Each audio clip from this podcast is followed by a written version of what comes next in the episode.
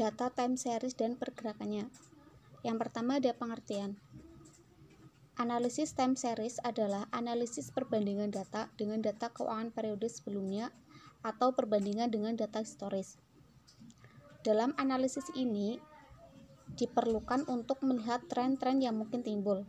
Kemudian kita bisa menganalisis apa yang terjadi di balik tren-tren angka tersebut. Data historis perusahaan sebaiknya juga dibandingkan dengan data historis industri untuk melihat apakah tren suatu perusahaan bergerak relatif lebih baik terhadap tren industri. Adapun pergerakan data time series, yang pertama adalah tren. Tren merupakan pergerakan time series dalam jangka panjang, bisa merupakan tren naik atau turun. Diperlukan waktu jangka panjang 15 atau 20 tahun untuk melihat pola tren tersebut.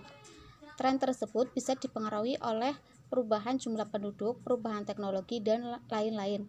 Yang kedua ada siklus. Siklus merupakan fluktuasi bisnis dalam jangka yang lebih pendek, sekitar 2-10 tahun.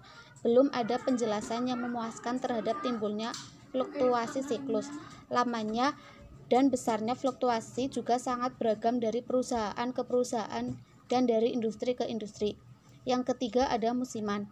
Musiman merupakan fluktuasi yang terjadi dalam lingkup satu tahun. Ada beberapa penyebab timbulnya fluktuasi musiman, misalnya karena ada peristiwa tertentu seperti lebaran, tahun baru, dan karena cuaca seperti musim hujan dan kemarau. Yang keempat ada ketidakteraturan atau irregularities. Fluktuasi semacam ini disebabkan karena faktor-faktor yang munculnya tidak teratur dalam jangka waktu pendek. Misalnya gudang perusahaan terbakar, akibatnya keuntungan perusahaan pada periode itu terpengaruh.